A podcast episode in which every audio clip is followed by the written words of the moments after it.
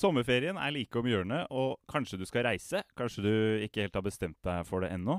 Kanskje du kunne tenkt deg å reise, men skammer deg litt over det. Og sannsynligheten for det er jo kanskje litt høyere øh, når det gjelder akkurat deg som hører på, fordi du jo hører på Klodebry. Så går det jo an, da, hvis du har litt sånn samvittighetskvaler med å reise, så kan man la være. Eller man kan uh, forsøke å uh, Altså Det oppstår jo et fenomen uh, som kalles for kognitiv dissonans i psykologien når det ikke er samsvar mellom det du tror på og det du gjør. Så hvis du reiser og syns det er så ubehagelig, det CO2-avtrykket du da etterlater deg, så kan du jo f.eks. prøve å gjemme deg bak at verdens flytrafikk tilsvarer bare omtrent ca. 3 av globale CO2-utslipp. Og Det er under halvparten av det stålindustrien eller betongindustrien kan by på av utslipp, f.eks. Men så er det også sånn da at uh, alle utslippene må jo kuttes uh, på sikt. Det har vi bestemt, så det er ikke helt lett, dette her. I dag så kommer vi til den kanskje ultimate showdownen mellom individnivå og systemnivå når vi snakker om klimaendringer. Fordi hvis du reiser mye med fly, så er kanskje flyreiser, eller da er flyreiser definitivt den største delen av ditt personlige CO2-avtrykk. Men av det globale CO2-avtrykket altså, så er ikke flytrafikken så mye. Og er det sånn at eh, hvis du flyr mye, så kan du egentlig drite i å ta klima- og miljøhensyn på alle andre fronter òg, siden det blir så forsvinnende liten del av din utslippskake. Velkommen til Klodebry fra miljøstiftelsen Bellona, som i dag skal handle om en het og kontroversiell potet, nemlig reising. Og heng med til slutt, for da skal vi også komme med noen tips til deg som hører på. Vi har fått inn et lytterspørsmål. Hvordan eh, kan man, hvis, hvis, du vil dra på ferie, da, hvordan gjøre det bærekraftig? Er det i det hele tatt mulig, eller bør du bare bli hjemme? Med oss i dag har vi en som i alle fall ikke har flyskam nok til at det har holdt ham tilbake. Ukens gjest har vært i alle land i hele verden to ganger. Gunnar Garfors, journalist og globetrotter, velkommen. Tusen hjertelig. Gunnar, eier du ikke skam? Nei, jeg er helt flyskamløs. Det, jeg er helt klar over at reising forurenser, eh, på lik linje med mye annet. Eh, samtidig så er det mange gode ting med å reise òg. Det åpner opp eh, perspektiv. Det bygger bruer med andre mennesker. Vi lærer om hverandre. og så er det da noe med å bygge, bygge bruer da, og, og, tone ned konfliktnivået, som kanskje er mer relevant enn, enn noen gang med, med, det som skjer i Ukraina. Og du er Det å ha vært i alle verdens land to ganger, det, det er verdensrekord? Jeg er den første som har gjort det. Det er en annen som har gjort det samme. Han er det det? var litt etter meg, da. Ok, Så du var første på det. Har du flere verdensrekorder? Ja, det er vel en uh, ni stykker, holdt jeg på å si, som er reiserelaterte. Men, uh, eller reiserelaterte og reiserelaterte. Altså, når du skal sette verdensrekord, så må det gå fort. Um, og da uh, har det ikke så mye med å reise å gjøre. Så det er mer logistikkrekorder enn reiserekorder. Ok, Kan du nevne noen av dem? Raskest rundt jorda med rutefly uh, via de seks bebudde verdensdelene, altså alle verdensdeler utenom Antarktis. Um, fem kontinent på én dag. Jeg vil ha to Guinness-rekordene, og så er det noen, noen andre i tillegg. Wow. OK. Og med oss har vi også Eivind Bærstad. Du jobber i Bellona. Hva er ditt ansvarsområde i vår lille klima- og miljøorganisasjon? Hovedansvaret mitt er å redusere utslipp i industri, men jeg er også veldig interessert i at vi skal ha eh, gode alternativer til å reise så, så bærekraftig som, som, mulig. Så jeg håper jo at det i hvert fall var noen, noen, noen hensikter med disse reisene òg. At det ikke bare var for at reisen var målet i seg selv. Eller var det det? Nei, absolutt. Eh, altså, jeg lærer veldig mye om både verden rundt meg og meg sjøl ved å reise. Jeg skriver bøker, eh, jeg er forfatter, eh, så, så, det har vært mye research i, i samband med, med reisene òg. Så det er ikke bare hermetegn for, for uh, egen del, holdt jeg på å si, eller for, for ferie sin, sin, del. Det er det ikke. Det er godt å høre. Hva er ditt forhold til reising, Eivind? Å, jeg elsker det. Um, i, uh, på det personlige planet så er jo det å komme seg ut og få nye perspektiver eh, helt eh, superdupert. Og man er jo nysgjerrig på å se åssen det ser ut der ute, ikke sant. Så um, jeg var, har vært uh, såpass heldig at jeg har fått meg i hvert fall, i hvert fall to år eh, som jeg ikke har gjort noe annet enn å bare farte rundt for, for å kikke. Ja, ikke sant? Eh, det er jo ganske eksotisk, og sikkert mer enn de fleste. Og så jobber vi i en klima- og miljøorganisasjon. Jeg også elsker å reise, Eivind. Vi, vi, hvorfor jobber vi der vi jobber? Altså, dette her er jo interessekonflikt, så det holder, eller? Litt. Men jobben vår er jo å prøve å, å finne gode løsninger på hvordan man kan eh, reise på en så bærekraftig måte som, som mulig. ikke sant? At det fins eh, miljøvennlige alternativer. Sånn at folk kan ta gode valg når de skal et eh, sted. Jeg heter eh, Benjamin Strandquist, og noen ganger når jeg møter folk, så får jeg høre at de syns at jeg har reist uh, mye, men altså dette her er Nå har jeg virkelig møtt min uh, overmann. Et av de mer eksotiske reisemålene jeg har på min merittliste, er Nord-Korea. Der har du altså vært to ganger. Human influence has warmed the atmosphere, ocean and the land. A code red for humanity. How dare you! Is here now. Store nedbørsmengder har ført til flom. Vi må være ærlig. Global oppvarming er en avgjørende årsak. FNs nye klimarapport advarer mot menneskeskapte klimaendringer. klimaendringer. Ja da. ene gangen fløy jeg inn, den andre gangen tok jeg tog. Uh, og Eh, I Nord-Korea det er et av tre land der du er nødt til å reise inn med guide. Og det er jo litt, og Ikke bare én guide, men to guider. For de skal da passe på hverandre like mye som de skal passe på deg. Ja, nemlig. Um, men uh, reiser du inn med tog, da slipper du guide på togturen. Uh, så da kan du iallfall føle deg litt friere. Du kan se hva du vil, iallfall i nærheten av, av toglinjene. Og der fikk jo på en måte episodens aller første lille reisetips. Så hvis eh, Nord-Korea er høyt på, høyt på, prioriteringslisten til deg som hører på, så, så fikk du et lite tips der. Men vi, vi, kommer tilbake til litt mer sånn eh, bærekraftige ferietips helt på slutten av episoden. Men Gunnar, du må jo fortelle oss litt sånn helt fra starten. Altså, Hvordan eh, ble du en globetrotter? Nei, det er et godt spørsmål. Jeg var på interrail eh, som 17-åring og ble veldig fascinert av ulike land, ulike folkeslag rundt omkring i Europa. Eh, så var jeg utvekslingsstudent i, USA eh, ikke så lenge etterpå. Bare det å innse at det er andre mennesker som lever på helt andre måter enn det vi gjør i Norge, det syns jeg var ekstremt fascinerende. Og jeg ble så sugen på å se enda flere plasser. Så da begynte jeg å reise litt uh, utafor vestlige områder. Jeg reiste til India, jeg reiste til Kina. Og dess mer jeg så, dess, dess mer fascinert uh, jeg. Så da var det for så vidt et lett valg å, å, velge å bruke penger på å reise, i stedet for å, å, kjøpe bil eller dyre klær eller uh, designklokke eller hva det måtte, måtte være. Husker du aller første gang du var i utlandet? Nei, da var jeg, eh, da var jeg, først, da var jeg ni måneder gammel. da ble jeg tatt med på ferie til Hellas, så det husker jeg ikke. Første gang eh, som jeg kan huske, var nok på, på ferie til Sverige. Da kjørte vi bil til Nord-Norge via, via, Sverige. Så jeg har seks yngre søsken, så vi um, har da, og det var før eh, låg, lågprisselskap. Altså hva, hva, slags bil hadde dere? Nei, det var en buss, en minibuss. Ja.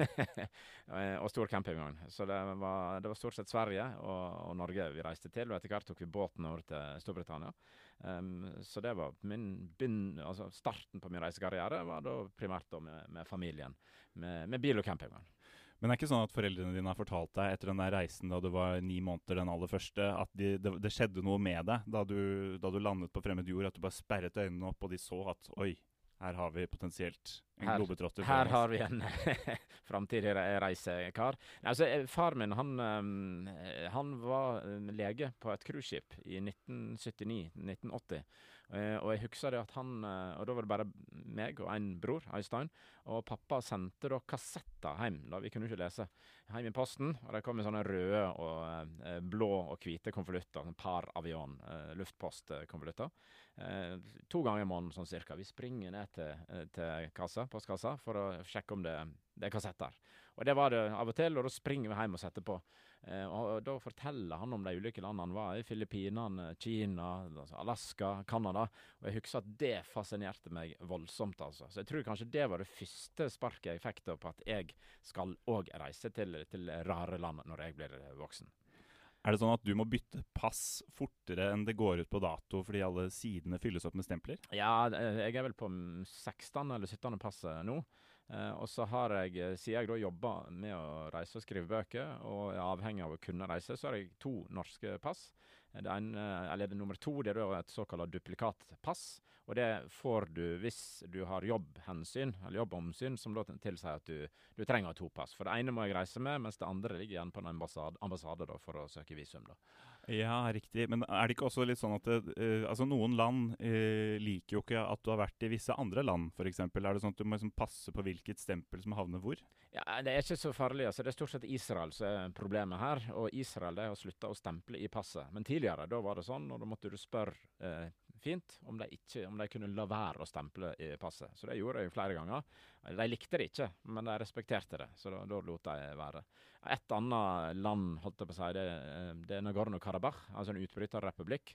Hvis du da har vært der, så slipper du ikke inn i Aserbajdsjan.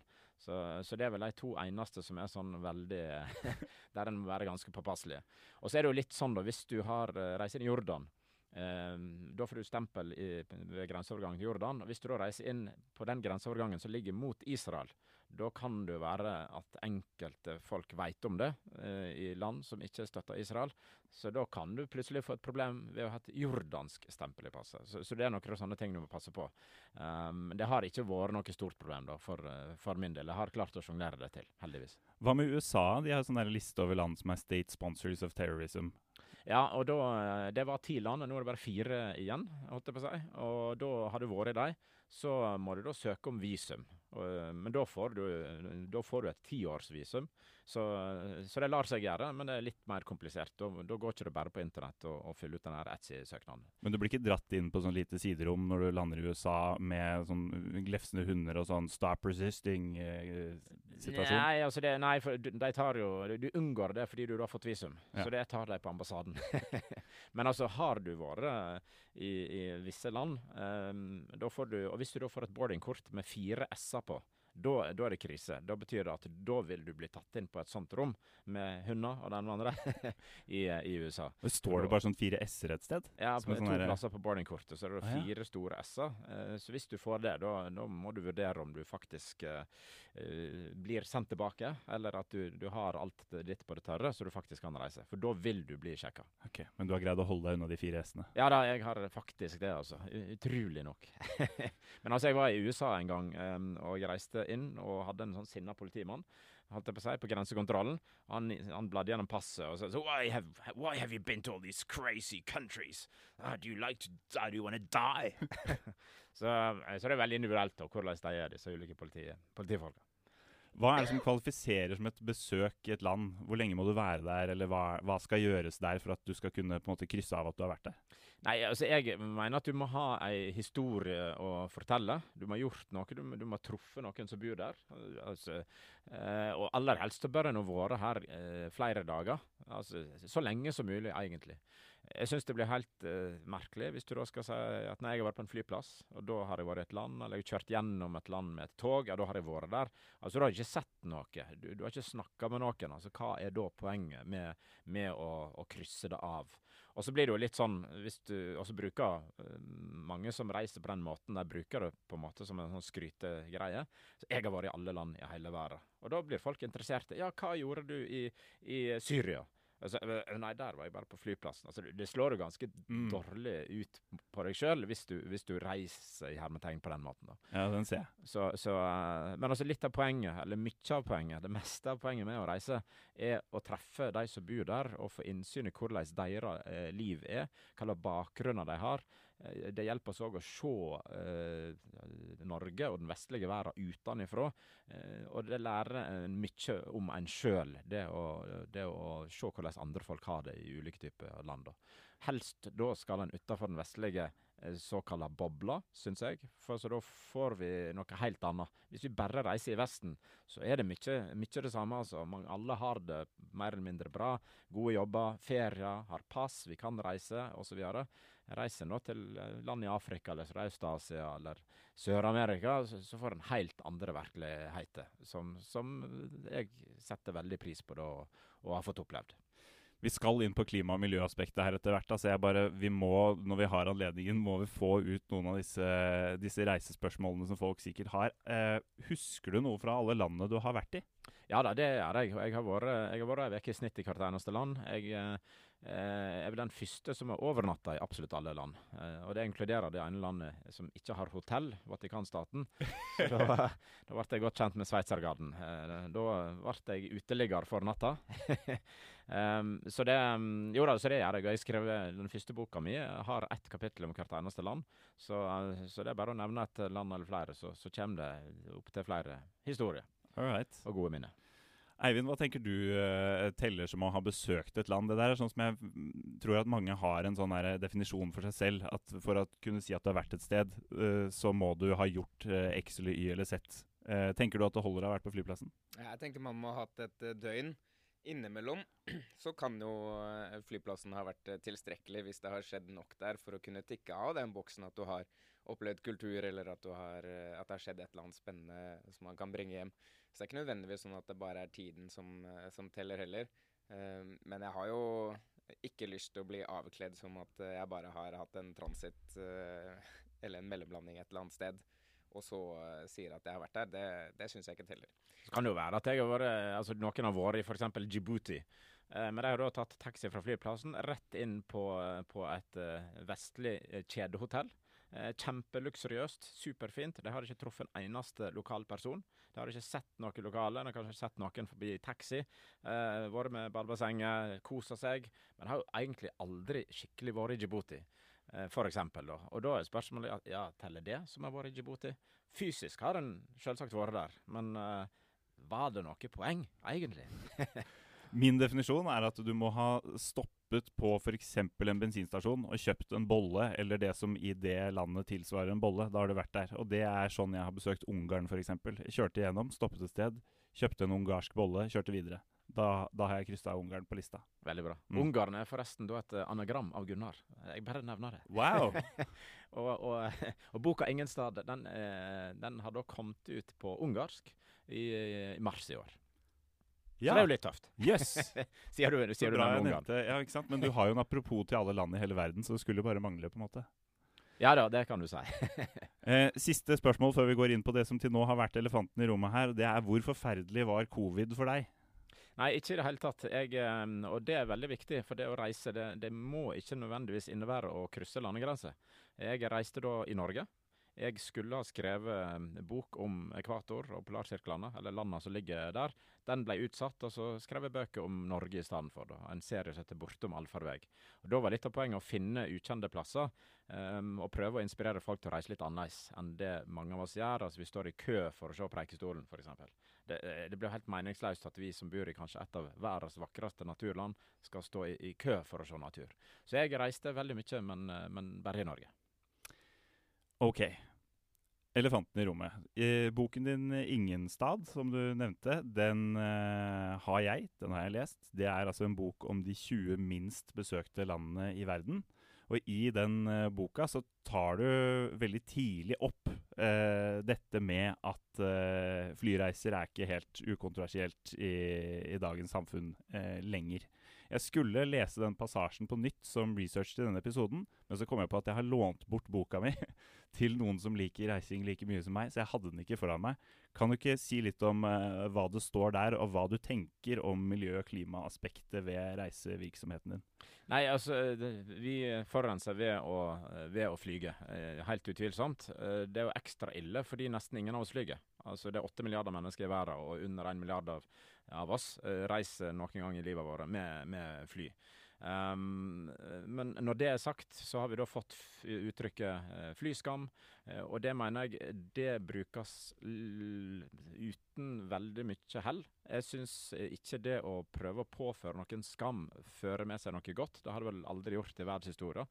Enten om du har fått unger utenfor ekteskapet, eller du har, du har gått ut av en religion, eller hva det måtte være. Um, og, og, så mener jeg òg at da setter du fokus på én måte å slippe ut på, som da står for, uavhengig av slags tall du har, mellom 2 og 4% av utslippene, altså flyindustrien. Um, og da blir det litt sånn, ja, vi som reiser, eller dere som reiser, det er deres feil. Mens vi andre, nei, vi flyger ikke. Nei, men da, da har vi på en måte Da, gjør, da ikke gjøre noe annet. Så du, du singler ut én bransje Eh, og Da blir det så veldig enkelt å tenke at ja, men da trenger ikke vi å kutte andre plasser. La oss nå si at vi kutter flyging. Vi forbyr flyging i, i morgen. Da kutter vi utslippene i verden med mellom 2 og 4% Det er ikke nok.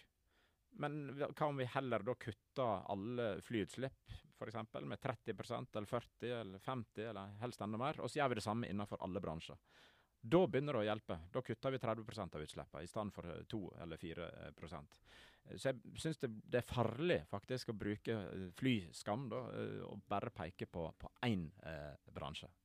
Det blir, altså det blir rett og slett destruktivt, og det, det fører debatten feil, i, i, feil retning, syns jeg. da.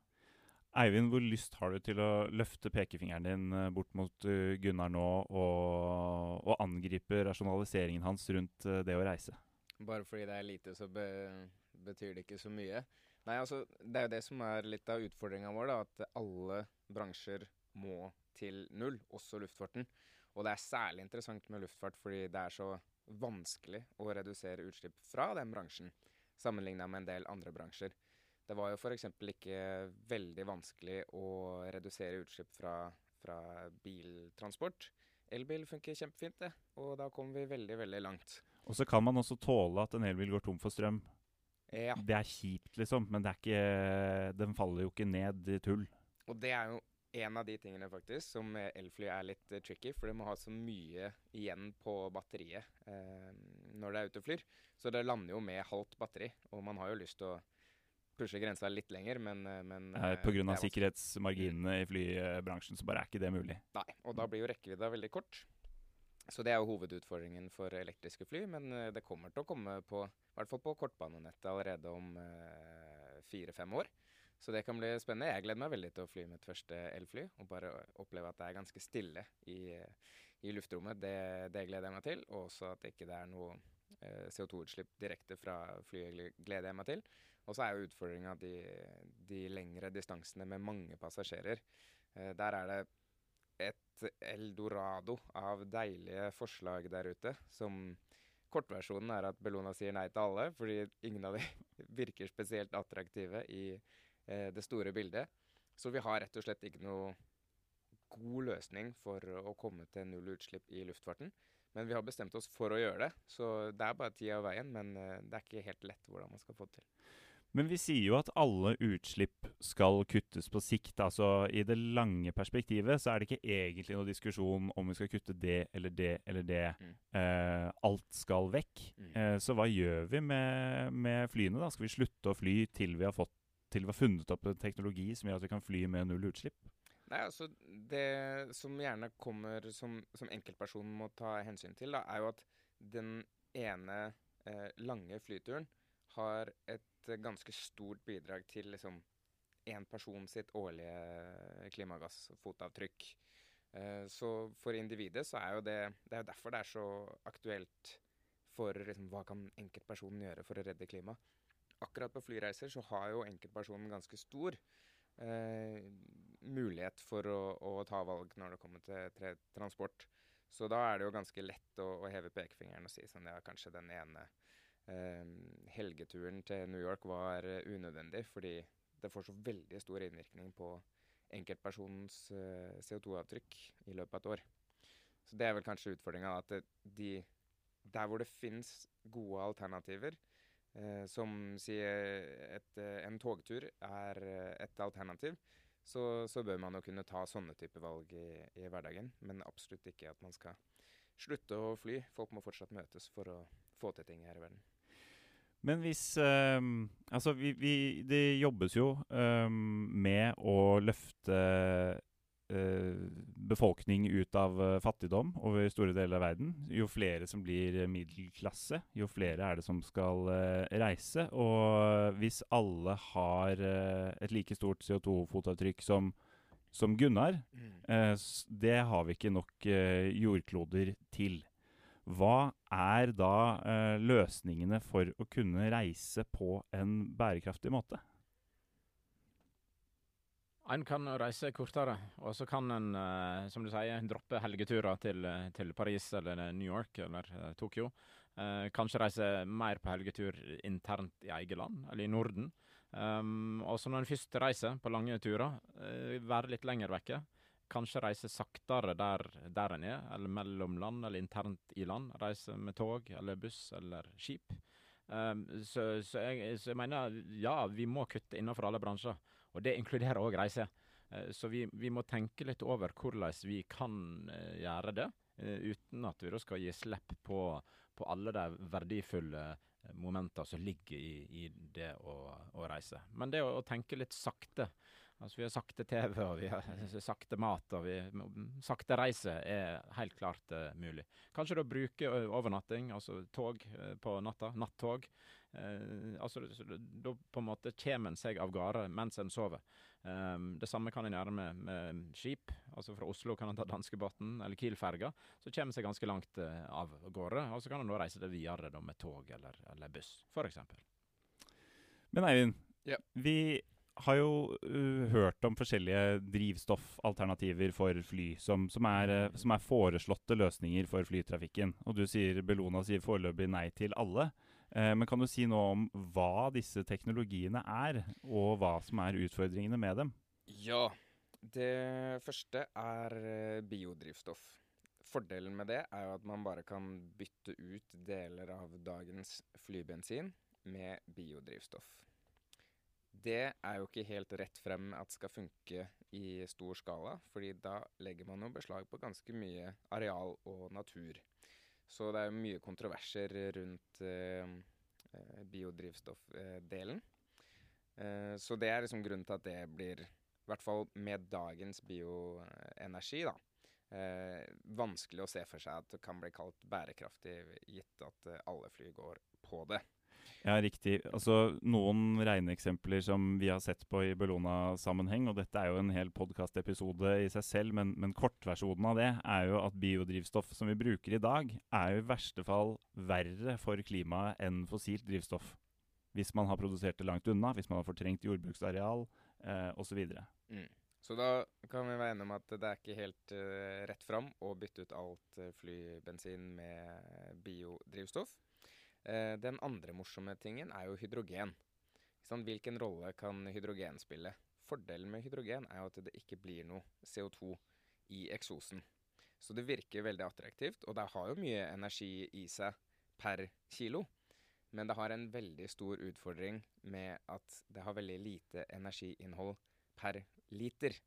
Så du må ha tre ganger så store drivstofftanker, eventuelt fylle hele vingene og eh, tak i kabinen med flytende hydrogen på minus 250 grader.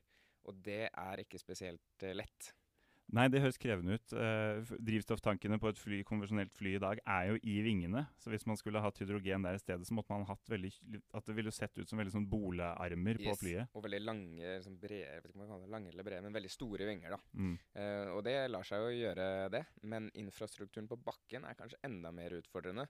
Å se for seg at du skal ha uh, mye logistikk inn og ut fra en stor flyplass, som gjerne ligger i nærheten av der folk bor, uh, med flytende hydrogen, som er ekstremt eh, brannfarlig og, uh, risiko for eksplosjon. Alle de håndteringene av flytende hydrogen på bakken er jo Det kommer til å gå gærent eh, på et eller annet tidspunkt. Og det, det er liksom risikoaspekter rundt det også, som man kan bli en stopper for, for at hydrogen tar over luftfarten sånn sett.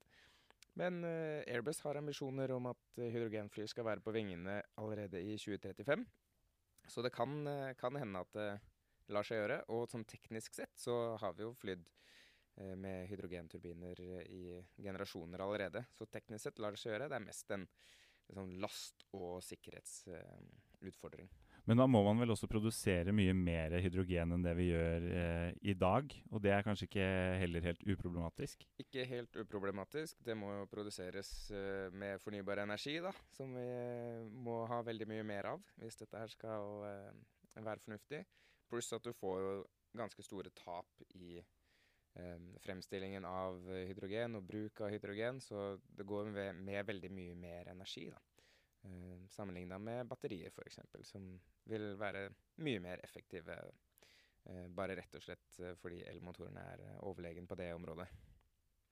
Kan man på en eller annen måte forsøke å kompensere for utslippene for fly, fra fly? Altså la, vi, la oss si at vi bare fortsetter å bruke det vanlige flydrivstoffet som vi bruker i dag, da, og så, og så kompenserer vi for det utslippet et annet sted? Ja, det finnes jo uh, tilbud om det uh, når man bestiller billett med noen flyselskap i dag. Ja, SAS f.eks. sier at hvis du er eurobonusmedlem, så klimakompenserer vi uh, flyreisen din.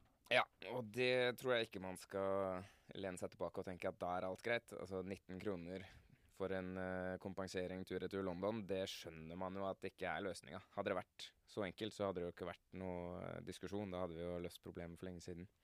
Uh, men den effekten av det man kjøper da, er jo ganske tvilsomt at gjør det de lover. Så man kan jo se for seg, hypotetisk Ok, vi fortsetter å bruke Eh, fossilt drivstoff i luftfarten. Og så kompenserer man ved å, å støvsuge CO2 ut av atmosfæren et eller annet sted og lagre CO2 under bakken. Tilsvarende mengde karbon. Um, det kan jo på en måte ses på som klimanøytralt. Mens utfordringa her er jo liksom Her skal luftfarten slippe billig unna. Uh, da trenger ikke luftfarten gjøre noen ting, da. Da stopper vi all teknologiutvikling og reserverer den, eh, den type liksom, kompensasjon til luftfarten. Og det er ikke nødvendigvis eh, at vi skal bare gi oss med teknologiutvikling i, i luftfart heller. Så ikke helt eh, rett fram. Og, og, så er man jo masse andre morsomme greier, da. Så vi, den, den første, eller tidlig luftfart da, som mennesket drev med, var jo eh, batteridrevet, f.eks med at man hadde en liten elmotor på, på luftskip. Var, ja, var det det, ja? For det er jo akkurat som med bilene også. Noen av de første bilene var jo elbiler. Ja. Det var en god idé for lenge siden. Man måtte bare få opp eh, batteri, liksom, ladeteknologien, da, uh, og at liksom, kapasiteten per liksom, vekt og volum uh, ble tilstrekkelig.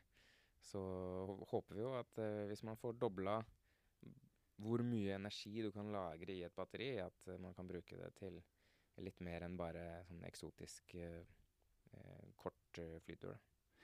En av de tingene som du snakker om på kontoret, er jo Du drar frem eh, en støvsuger, og så mm. sier du denne her kan vi bruke til å suge ut overflødig CO2 fra atmosfæren med. Hvor nært er vi å gjøre det, og, og gjøre det i så stor grad at det kan kompensere for hele flytrafikken, f.eks.? Eh, det Altså, hvis man skulle gått i den uh, retningen Altså, vi kommer til å gjøre en del av det, og vi må gjøre ganske mye av det uansett uh, hva man uh, har av liksom, strategi som man legger til grunn. da. Hvilket scenario man velger for å gå til netto null. Så må man støvsuge ja, Nå snakker vi om globale klimamål her. Ja. At det er ikke mulig å nå dem mm. uten å fjerne CO2 som vi allerede har sluppet ut. Ja. Mm. Og for å i det hele tatt ha sjans til å kunne ta liksom siste resten med den støvsugeren, så må nesten alle utslipp gå helt til null først. Og det spørs om uh, luftfarten blir uh, holdt uh, unna det kravet der. Det, det vil ikke jeg gambla på, i hvert fall. Nei. Men hva, hva, hva, er egentlig mm, posisjonen vår da i eh, Bellona? Vi tenker at flytrafikken er et uh, nødvendig onde, eller? Mm, ja, vi tenker at uh, luftfart må vi nødt til å ha, fordi det er så viktig at mennesker får reist og møttes, og at det er et, eh, en, eh, en, demokratisk dimensjon her òg. Altså, folk har jo altså, Vi har ikke begynt å fly egentlig ennå. Ordentlig. Det er forbeholdt eh, ganske få personer den luksusen å kunne fly. Og hvis vi bare hadde gjort sånn som vi legger opp til nå, da, og, og øke kostnaden, altså CO2-kostnaden med å fly til 2000 kroner per tonn CO2 i, i 2030, mm. så bare setter vi en større pris på det. Og, blir det enda mer eksklusivt. Og de som har råd til å fly, de fortsetter å fly, de. Ja. Uh, mens uh, da, da, får man ikke folk med seg, tror jeg, da. Jeg tror at da får vi et uh, Altså, bompengepartier har blitt uh, stifta på et tynnere grunnlag. Og det å få så mye motstand tror jeg ikke er fordelaktig, da. Men å ha en, en fornuftig pris som gjenspeiler det fotavtrykket man har, det, det, støtter vi. Men vi er mest opptatt av at det finnes gode alternativer til transport på en relevant eh, distanse. At vi har ålreit eh, mulighet for å kjøre elektrisk, først og fremst. da.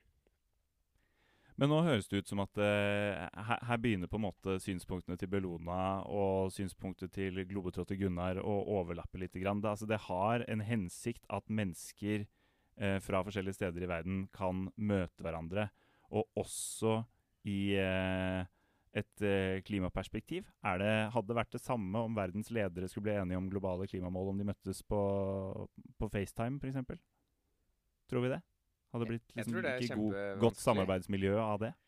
Nei, altså vi, Når vi møtes på, på klimatoppmøtet f.eks., så er jo hele poenget å samle eh, masse folk og bli enige om hvordan man skal redusere klimagassutslipp. Og det hadde vært vanskelig på Teams, tror jeg, da. Man må liksom Altså, det, det er noe noe biologisk, kulturelt, sosialt med oss mennesker som gjør at vi trenger å, å være fysisk nær hverandre for å forstå hverandre og bli enige om ting. Eh, så kan man ha mye kritikk eh, retta mot at ja, andre flyr jo inn til klimatoppmøtet, da har det jo ikke noe å si. Jo, vi skal jo løse større utfordringer enn den flyturen ditt, liksom. Det må jo være et eh, minste krav til hva vi klarer å løse. Veldig mye skjer eh, i uformelle møter. Kaffemaskiner, eh, på en bar etterpå, holdt jeg på å si. mm, Over middager, hva det måtte være. Så det å, å fysisk møtes har en, en kjempe, eh, kjempeverdi. Og Samtidig så syns jeg ikke vi skal overlate alt det her til politikere og forretningsfolk alene. Kri, altså klima og, og stabilitet, sikkerhet, er altfor viktig tema til at ikke vi skal da delegere det ned til vanlige folk òg, og, og knytte bånd på, på alle mulige nivåer i, i samfunnet. Snakker du om eh, klima og miljø med folk du møter når du reiser? Ja da, altså jeg, eh, For eh, noen måneder siden så hadde jeg et foredrag om, om bærekraftig reise for Kilroy eh, reisebyrå. De satser veldig mye på, på bærekraft. Og, og det, det som er spennende, er at kundene begynner å spørre om det. Når de da skal bestille ferier, så spør de hvordan de kan reise bærekraftig, eller hvordan eh, reiser kan være bærekraftig. Det har ikke bare med reisemåte å gjøre.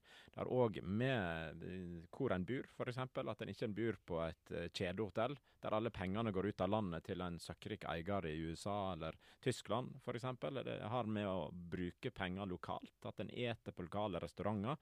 Eh, Så her er det ganske mange dimensjoner. Det er ikke bare det transportmessige som, som, som spiller inn. Men om jeg snakker med Når jeg treffer folk, jo da, det kommer veldig ofte opp. eh, Naturlig nok, eh, det med klima. Og, og da er det mye videre igjen enn om en flyger eller ikke. Ja, og i, i den boken 'Ingenstad' så er det jo flere stillehavsnasjoner representert, hvor klimaendringer merkes veldig veldig godt og veldig veldig konkret. Ja, helt klart. Det er vel eh, er seks stillehavsnasjoner eh, som er med i, i boka. Det er altså en bok om verdens 20 minst besøkte land. Um, og da var jeg mellom annet i, eh, på Marshalløyene og treffer en eldre kar. eh, og han spør hvor jeg kommer fra, og jeg sier Norway. Hæ? Nowhere? No, it's pretty much the same thing, but Norway, it's in Europe. Europe! Og da ble han steike forbanna. Da skulle han hytte til meg, han skulle slå til meg. For uh, it's your fault we're sinking. Ikke sant? Han, altså, de ser for seg at de synker, ikke at vannstanden stiger. Eh, men plutselig var jeg der som en representant for Europa. Eh, hadde jeg vært eh, amerikaner, hadde han sikkert sagt akkurat det, det samme. Men, men ikke sant? der blir det 100 000 mennesker. Det er ikke deres feil at vi slipper ut så mye klimagasser. Det er i hans øyne Europa sin feil, eller for å si det på en annen måte, det er Vesten eh, sin feil.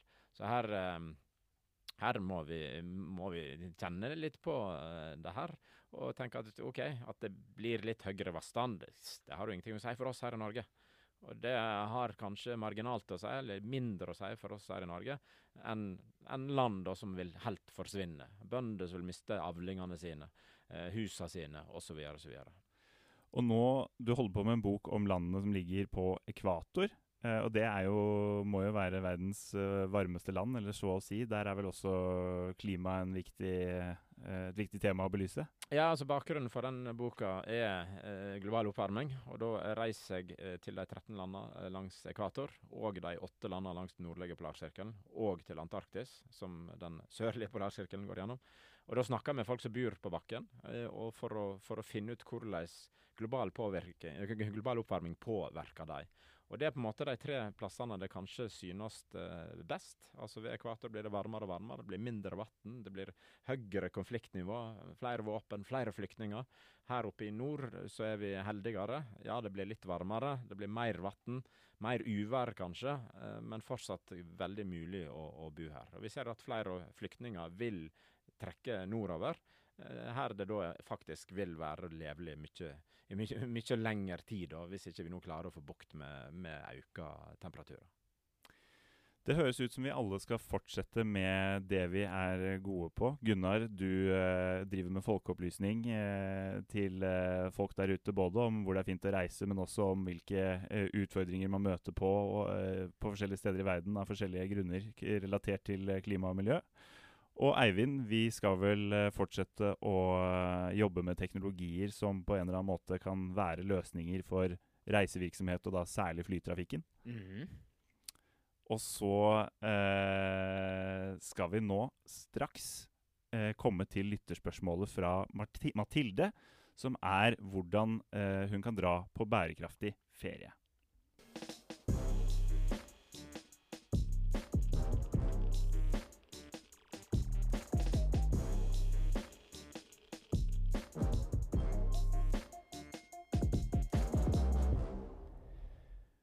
Unge mennesker er jo uh, mer klimaengasjerte enn noen gang tidligere. Samtidig så har de ikke mistet lysten til å reise, og det er vel også bakgrunnen for spørsmålet fra Mathilde her. Hvordan drar jeg på en bærekraftig ferie, og er det konkrete tips til uh, steder å dra eller måter å komme seg dit? Det beste er vel kanskje bare å bli hjemme, prikk, prikk, prikk, men om det blir for kjedelig, hva kan jeg gjøre? Gunnar, det er vel ingen i verden som er bedre kvalifisert til å kunne gi noen tips? Nei, altså her er det mange muligheter. Altså En kan velge vekk fly helt, eller en kan reise kanskje på én flytur og bli lenge vekke, som vi snakka om litt grann tidligere. Um, og, og det, det, er i høyeste grad mulig. Og så må en tenke da litt andre måter å, å være bærekraftig på, når en først er der og bli der lenge. Hvis vi da helt skal se vekk fra fly, så kan jeg anbefale eh, tog til eh, Stockholm. Og så har du flere skip som går videre, både til Finland og, og Baltikum. Så der eh, får en en veldig flott region eh, på, på, som en gjerne kan dele opp. da. Jeg synes da Kanskje tar du noen dager i, i fantastiske Stockholm, og så tar du noen dager i, i Helsinki. Eller reise litt rundt i Finland, og så Estland, Latvia og, og Litauen. Alternativt så er det, det danskebåten eh, og litt det samme. En, da eter en seg nedover, og så sover en seg nedover. og Våkner en opp i København, og så kan en være noen dager der, eller ta toget videre nedover i Europa. Alternativt eh, så tar han Kiel-ferga fra, fra, Oslo og mm, gjør litt av det eh, samme der. Da er en ikke langt unna Hamburg og et fantastisk bra uh, rutenettverk for, for, både tog og busser. Kult. OK, Mathilde. Der fikk du, fikk du, noen tips, og håper du er fornøyd med det. Eivind? Jo, så jeg vet ikke om Gunnar ble liksom Følte han ikke fikk lov å si fly i, i tipset sitt. For det er jo ikke, noe, det er jo ikke i alle tilfeller sånn at uh, det å fly er det som gir mest utslipp av klimagasser. Det kommer jo veldig an på hvor man skal fra og til. Uh, og da kan man i noen tilfeller finne ut at uh, å kjøre en vanlig bil gir mer utslipp av klimagasser enn den flyturen. Og den ferja er ikke nødvendigvis det beste. Så liksom, man må se litt på hvor man skal fra og til. og da kan man jo ta en, en eh, kalkulator på nett f.eks. som sammenligner ulike alternativer. Og ta hensyn til liksom, hele denne eh, Google Maps-ruta med ulike reisealternativer. Så det, det, kan jo være et tips da hvis man vil se på eh, klimautslippet med eh, der man skal på ferie. Ellers så støtter jeg fullt ut det med å ta seg bedre tid. Altså jo lengre ferie man tar, jo lenger får man jo mindre reising blir det. Og det sparer man både klima og lommeboka med. Og eh, Mathilde tar ikke egentlig noe forbehold om at hun eh, ikke vil reise med fly. Hun sier bare bærekraftig ferie. Mm. Så, så, svaret er vel egentlig bare eh, sjekk om du kan finne en eller annen form for CO2-kalkulator på og se hvordan du kan komme deg til et sted du har lyst til å dra på best mulig måte. da. Ja, og bli der eh, lengst mulig. Og ikke by på kjedehotell. Ikke et på kjederestauranter, men støtt eh, lokaløkonomien. Eh, er òg eh, viktig. Altså Vi ser 10,3% av verdens befolkning jobber innenfor reiseliv. Så hvis vi da bare skulle slutte å reise plutselig, så er det, så er det mange hundre millioner mennesker som, som er ute av jobb. Så det er òg et aspekt ved det, ved det hele. Støtte lokale næringsliv. Og så skal du få med et par tips til eh, på tampen, Mathilde. For det er eh, også veldig viktig å nevne at noe av det viktigste du kan gjøre for klimaet, det er å stemme ved valget til høsten. Eh, sett deg inn i hva partiene mener om miljø og klima. Ja, det er et lokalvalg, men det har noe å si allikevel. Og en annen ting. Hvis du ah, jobber, eller har hatt en jobb en gang, så har du noen pensjonspenger et eller annet sted. Noe av det viktigste du kan gjøre som enkeltperson, er å flytte pensjonspengene dine til et eller annet eh, bærekraftig. Det er også et tips eh, hvis du er opptatt av ditt eget personlige karbonfotavtrykk. Så kan du tenke på det, Mathilde, så tar Bellona seg av systemgreiene og resten. Der er det blitt på tide å runde av for denne gang. Du har hørt en episode av Klodebry, som er en podkast fra Bellona. Og jeg har en kjempestor sp- spyttboble i halsen som jeg må svelge. Ah. I hvert program tar vi for oss et eller annet som kan bidra til å redde planeten vår. Hvis du likte det du nettopp hørte, så bør du abonnere på denne podkasten og følge oss i sosiale medier. I studio i dag har du hørt Gunnar Garfors, verdens mest bereiste mann, og Eivind Bærstad, ekspert på fremdriftsmetoder og klimagassutslipp på fly. Og jeg heter Benjamin Strandquist. Denne episoden har blitt til med økonomisk bidrag fra NOAH. Håndtere farlig avfall, det er også veldig viktig. Send oss dine spørsmål, tips, kommentarer osv. til klodebry.belona.no.